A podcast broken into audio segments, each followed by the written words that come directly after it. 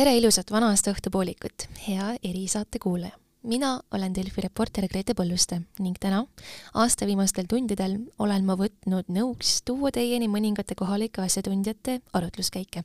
mis puudutavad ikka mida muud kui möödunud poliitaastat. ütleme, et ta on siis hüplev olnud. ma arvan, eks ta selline närviline ja heitlik oli säärased hinnangud anti viimasele kaheteistkümnele kuule Eesti sisepoliitikas vastavalt siis Tartu Ülikoolis töötava politoloogi Rein Toomla poolt ja sihtasutus Liberaalne Kodanik eestvedaja Tarmo Jüriste poolt, kes on siis kahe tuhande kahekümne teisel aastal lahti rullunud pidevalt analüüsiva pilguga kõrvalt jälginud. kui minna kohe äärmustesse, siis keda pidada aasta suurimaks võitjaks? Reformierakond on võitnud tohutult, et kui Reformierakonna eh, populaarsus aasta tagasi oli seal kuskil kahekümne protsendi piirimail, no siis nüüd on ta noh, üle, üle kolmekümne. Rein Toomlaga nõustub ka Tarmo Jüristo. selle aasta suurim võitja erakondadest oli kindlasti Reformierakond. keda saab pidada ka suurimaks kaotajaks? Rein Toomla arvates saab siin välja tuua Keskerakonna. Tarmo Jüristo jõudis natuke kaudsemalt samuti tsentristideni välja Rein Toomla märkis, et Keskerakonnal algas aasta täitsa kenasti. Reformierakonna survestamine energiakompensatsioonidega töötas ja hoidis nende reitingut Rahvaparteile lähedal. kuid sealt edasi valitsuse vahetuseni viinud kadalipule ja Keskerakonna taktikale pole tema silmis mingit ratsionaalset seletust. on siiamaani arusaamatu, mispärast noh, Keskerakond äh, läks äh, välja sellisele riskile et ühines siis noh, nimetame neid ikkagi peretoetusteks, et nendel on seal mingisugune pikem nimi ja et, et ühines siis nende opositsioonierakondade poolt äh, välja pakutud peretoetuste eelnõuga ja, ja, ja selle tulemusena siis äh, Keskerakond saadeti, saadeti valitsusest, valitsusest minema. see on nüüd noh, nagu selline igavene vaidlus, et, et mis enne valimisi võiks olla ühele erakonnale kasulikum, et kas, kas võiks olla kasulikum nüüd valitsuses olemine või, või, või hoopis opositsioonis olemine. aga äh, arvestades noh, ütleme, et praegust olukorda jälle, jälle tuleme selle sõja juurde tagasi. et, äh, et minu hinnangul on küll Keskerakonna poolt tehtud noh, ikka väga suur viga. et, et mindi, nad võib-olla, võib-olla ei uskunud seda, et neid noh, niimoodi valitsusest vallandatakse. võib-olla nad arvasid, et oh, mis seal ikka, et, et äh, Reformierakond lepib sellega lõpuks ära ja, ja, ja kõik, kõik jääb nii nagu oli. aga, aga äh, olla nüüd praegu opositsioonis, kus noh, teised teistele langeb see noh, kuidas ütelda siis noh, valitsuses antud juhtumil, langeb siis noh, selline patriootlikkuse aupaiste ja, ja, ja julged otsused ja, ja, ja karismaatilised juhid ja noh, ütleme, et, et kõik, kui sa oled opositsioonis, sa lihtsalt, sa lihtsalt noh, ütleme, sa ei julge ka millelegi vastu vaielda praegu. ja see tuli nüüd ilmekalt äh, ilmekalt välja siis eh, noh, selle perede, peretoetuste noh, nüüd siis noh, sellel edasistel arengutel, et, et kui tuletada veel kord meelde, et noh, sellist asja ausalt öeldes mina ei mäletagi, et, et mingisugune seaduseelnõu on, mis võetakse vastu, eh, kus kõik fraktsioonid toetavad kõik fraktsioonid toetavad, see on jah olnud otsuste ja muude taoliste asjadega. aga, aga seaduseelnõu ja kõik, et kõik fraktsioonid on selle poolt, opositsioon on selle poolt, koalitsioon on selle poolt. noh, see näitab seda, et, et ennekõike opositsioonierakonnad on noh, ikka väga suures, väga suures segaduses ja, ja püüavad sealt siis kuidagi noh, ütleme seda aupaistjat ka, aupaistjat ka endale saada, nii et tulles tagasi nüüd jah, Keskerakonna käitumise juurde, noh, ütleme, et eks, eks muidugi valimised äh, ole siis selleks äh, lakmuspaberiks, et kui, kui mm, Keskerakonnal valimistel läheb kenasti, noh näiteks kui nad suudavad korrata noh, kasvõi nelja aasta tagust Äh, tulemust, noh siis nad võivad, võivadki ütelda, et näete, et me tegime õigesti, et valitsusest minema läksime, aga noh, praeguse seisu, seisu silmas pidades Keskerakonna olukord on ikkagi kaunis nutune. Äh, neid ei, ei ähvarda muidugi Riigikogust väljajäämine, see on, see on selge. aga, aga neid ähvardab selline tulemus, mida nad ei ole üldse saavutanud, noh, tähendab, et mis, mida pole siiamaani olnudki. noh, need kõige väiksemad tulemused, mis on seal üheksakümnendatel aastatel, kus, kus oli seal noh, ütleme, et viisteist, kuusteist, seitseteist kohta. et langetakse kuhugi sinna tagasi praeguse Äh, praeguse seisuga ja, ja siit siis jah, kui hakatagi otsima põhjust, et, et mis see juhtus, oligi see, et, et, et äh, valitsusest äh, oldi sunnitud või mis seal sunnitud lahkuma lihtsalt, et valitsusest neid vallandati ja, ja, ja miks nad vallandati, vallandati sellepärast, et nad käitusid valesti. Nii et noh, et, et see valitsuse vahetumine oli jah, selline,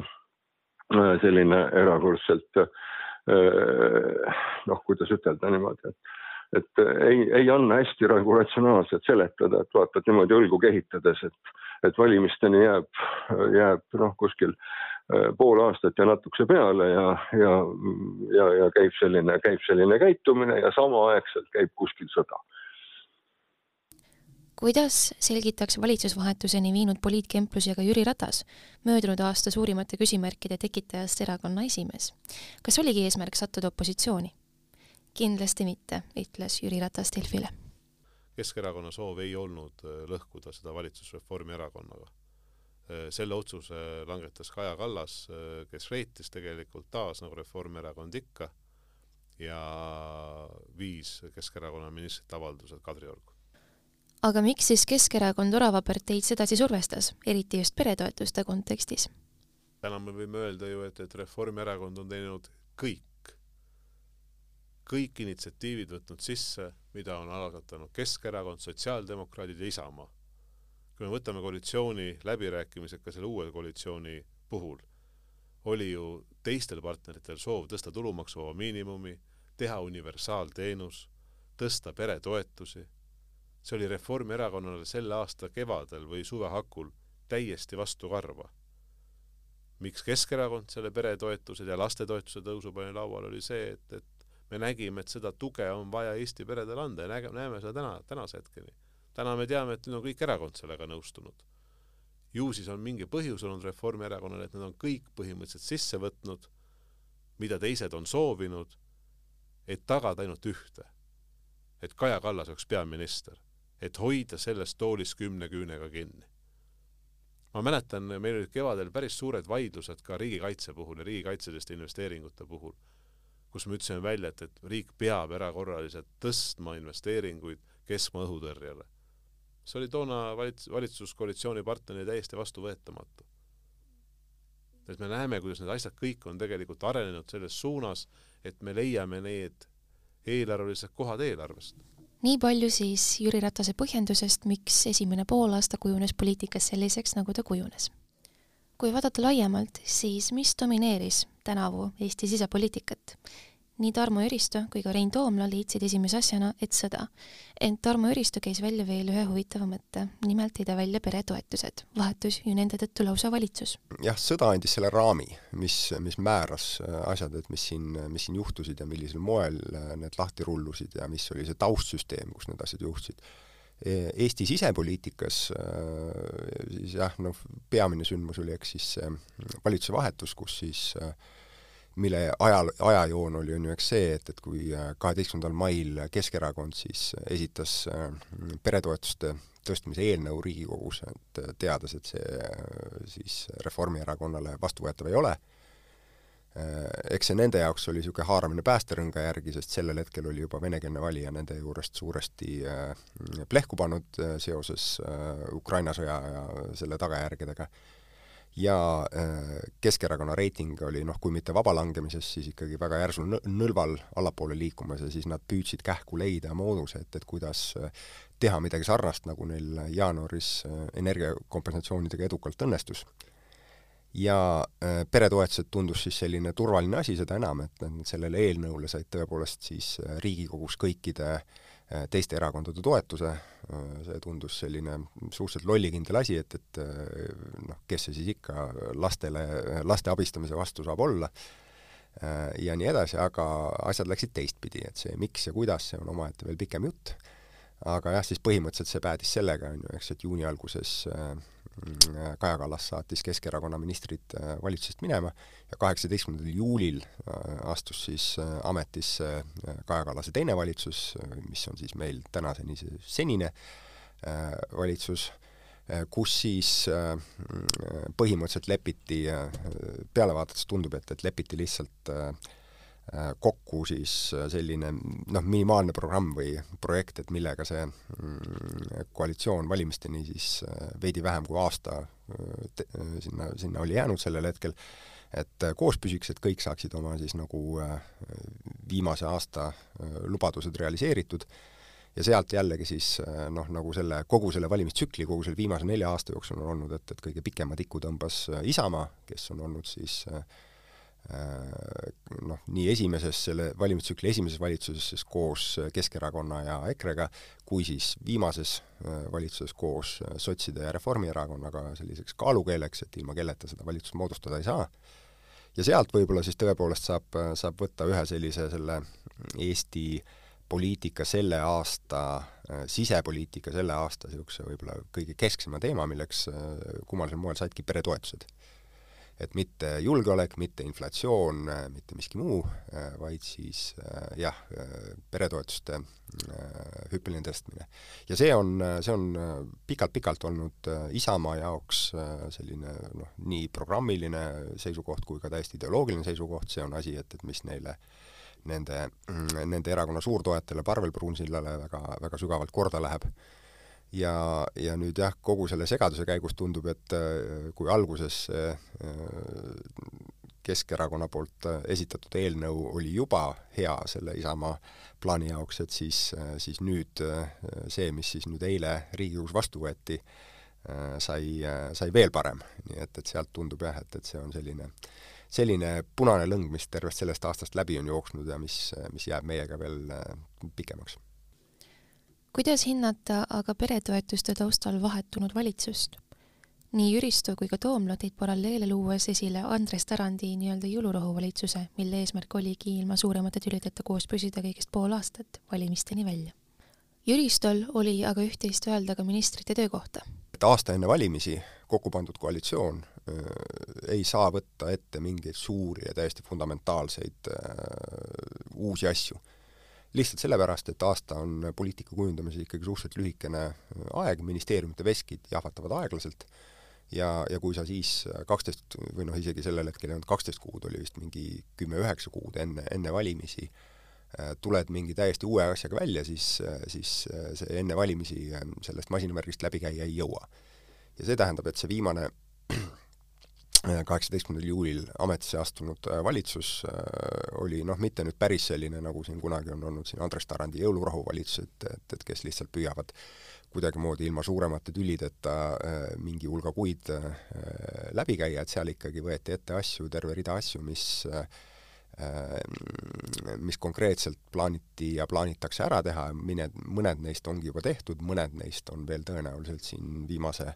paari alles jäänud kuu jooksul tulemas. Aga see erinevus, mida ma siin tahan jah alla joonida, on see, et, et see äh, kaheksateistkümnenda ju-, juuli äh, valitsus on äh, noh, ta, ta oli esimesest hetkest peale, peale vaadates oli näha, et, et ta oli niisuguse mm,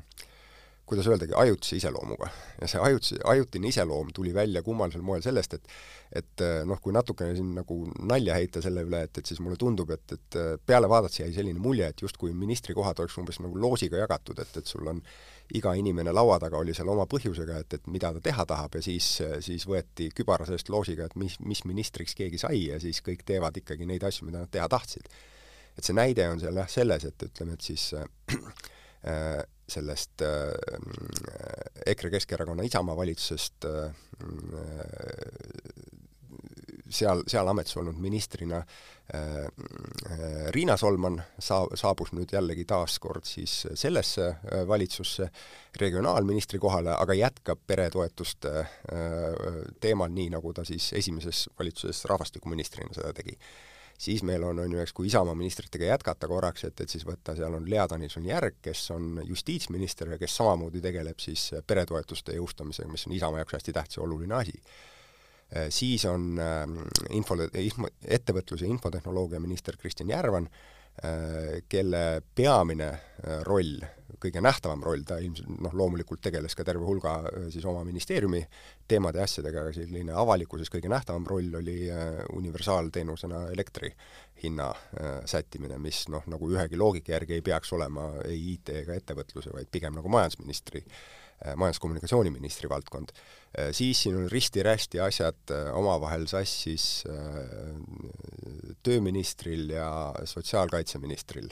Äh, kus äh, siis Signe Riisalo äh, tegeleb asjadega, mis pigem võiks olla Peep Petersoni valdkonnas ja Peep Peterson jällegi mõnede asjadega, nagu näiteks hooldekodud, mis võiks olla Signe Riisalo selles portfellis ja, ja noh, siin, siin võib-olla siis kirsina tordil on see, et, et kuidas Urmas Reinsalu siin vahepeal kõige äh, Äh, aktuaalsem mure oli, äh, oli siis äh, punamonumentide eemaldamine avalikust ruumist, et mis jällegi ei, ei noh, ühegi minu, minu, minule jaoks mõistetava loogika järgi ei peaks olema välisministri peamine mure. nii et jah, iseenesest loomulikult siin ei ole kuidagi keeruline mõista, et need kõik on täpselt need äh, teemad on jagatud selle järgi, et, et mis on olnud nende erakondade valimislubadused ja nende, nende kavad, nende poliitika eesmärgid, aga need ei klapi kuigi hästi kokku sellega, et millises ministeeriumis siis see konkreetne inimene, kes konkreetse teemaga tegeleb, istub. Ja see, ma kahtlustan, tekitab palju segadust nendele äh, mitte ainult kommunikatsiooni, vaid siis ka sisuinimestele, kes ministeeriumis nende poliitikate elluviimise eest peavad vastutama lisaks kõigele muule andis aastale huvitavalt tooni ka asjaolu, et Keskerakonna ja Reformierakonna vastandumine, mis on kestnud juba pikki-pikki aastaid, muundus keset aastat pigem EKRE ja Reformierakonna vastandumiseks. Keskerakonna jaoks see on olnud Eesti poliitikas ikkagi äh, viimased äh, paar aastakümmet, on see kõiki valimisi defineeriv vastandus olnud Reformierakonna ja Keskerakonna vahel ja, ja sel, sellel on jällegi omad põhjused, et, et miks see niimoodi töötab ja ja, ja millisel moel siin äh, mõlemad need kaks erakonda on sellest, äh, sellest kasu saanud. aga jah, see, see muutus toimus juba varem. see, see oli iseenesest selgelt üks nendest põhjustest, miks Keskerakonna ja Reformierakonna valitsus nii keeruline koos hoida oli, et, et ta ei olnud keeruline, nagu ma enne ütlesin, ta ei olnud keeruline selle noh, igapäevase töö mõttes, ta oli keeruline poliitiliselt sest äh, äh, eelkõige Keskerakonnal on, on terve hulk äh, valijaid, jällegi siis eelkõige venekeelsed valijad, mm, kelle peamine põhjus Keskerakonna poolt hääletada ei ole isegi mitte see, et neile Keskerakond ülemäära palju meeldiks, vaid on see, et neile Reformierakond üldse ei meeldi. ja, ja nad noh, annavad oma siis, või on traditsiooniliselt andnud oma hääle valimistel äh, parteile, kelle puhul nad usuvad, et, et nad on kõige tugevam Reformierakonna antipood. ja, ja see on nüüd see positsioon, äh, mille mm, Keskerakond on olnud, mida Keskerakonnal on olnud raske hoida ja mida nad on tasapisi kaotanud äh, EKRE-le. mitte nüüd isegi tegelikult väga venekeelse valija silmis, vaid, vaid palju laiemalt üle, üle kogu valijate spektri, olulisemal määral, isegi palju olulisemal määral eestikeelsete valijate seas ja see on teinud äh, Keskerakonnale äh, valimiste lähenedes äh, selgelt siis taevapilviseks. et, et mõelda, et milline see mõju on nende, nende valimistulemusele, et, et siis see on ilmselt see põhjus, miks Keskerakond näiteks miks ka muuhulgas Jüri Ratas keeldus ja loobus Kaja Kallase valitsusse minemast. sest Keskerakonna jaoks oli väga oluline hoida alles sedasama dünaamikat, et isegi kui nad valitsuses koostööd teevad, et siis nad Riigikogus oponeerivad, et seal siis Karilaid ja Ratas olid Riigikogus kogu aeg, panid reformile puid alla, ütlesid, et kõike tehakse valesti ja kõik on, kõik on, kuidagi peaks ümber mõtlema, teistmoodi tegema, on ju, eks, et seda vastandust hoiti seal Riigikogu tasemel elus, samal ajal jah, kui valitsus, valitsus koos töötas. ja see noh, probleem aktualiseerus või muutus veel selgelt olulisemaks ja tugevamaks jah, siis äh, veebruarikuus seoses äh, äh, siis Ukraina sõja puhkemise ja selle, selle tagajärgedega Eesti, Eesti poliitikas. Rein Toomla silmis ei pruugi olla aga tegemist nii-öelda telgede vahetamisega, vaid lihtsalt asjaoluga, et EKRE on osa opositsioonist, Reformierakond osa valitsusest. küll aga oli tal EKRE ja Reformierakonna vastandumise taustal etteheited nii Kaja Kallasele kui ka Alar Karisele mina siin pigem nagu vaatan seda asja veidikese, veidikese laiemalt, mulle tundub, et, et mm, EKRE eristub noh, kõikidest teistest. et, et siin ei ole küsimus, küsimus mitte nüüd noh, EKRE vastandumisel Reformierakonnaga. ehkki, ehkki EKRE püüab seda nüüd, püüab seda nüüd näidata, noh ennekõike tänu sellele, et Reformierakond noh, ongi valitsus. ja, ja, ja, ja vastupidi noh, et, et Reform, tähendab, et Keskerakonnal on praegu küll Riigikogus noh, kohti rohkem kui kui on EKRE-l, aga noh, Keskerakonna reiting on, on niivõrd, niivõrd halb, et, et ähm, tõenäoliselt ei suuda ta uutel valimistel järgmistel valimistel noh, EKRE-t edestada ja mis tähendab siis seda, et noh, et, et EKRE muutub äh, ka puhtformaalselt äh, noh, suurimaks opositsiooniparteiks, et, et praegu, praegu on ikkagi noh, ütleme, et et Keskerakond on, on, on suurim opositsioonipartei. Äh, et siit on tekkinud noh, võib-olla see, võib-olla see vastasseis,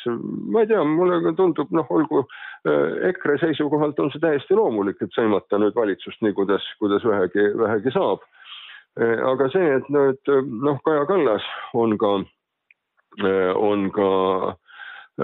noh, väitnud, et, et peamine Äh, peamine konkurent või noh, ütleme, et on EKRE, noh EKRE selles tähenduses konkurent ei ole. Ja, ja, ja EKRE võimalus nüüd äh, uut valitsust moodustada vähemasti praegust seisu rehkendades noh, tundub küll ikkagi väga ebatõenäoline.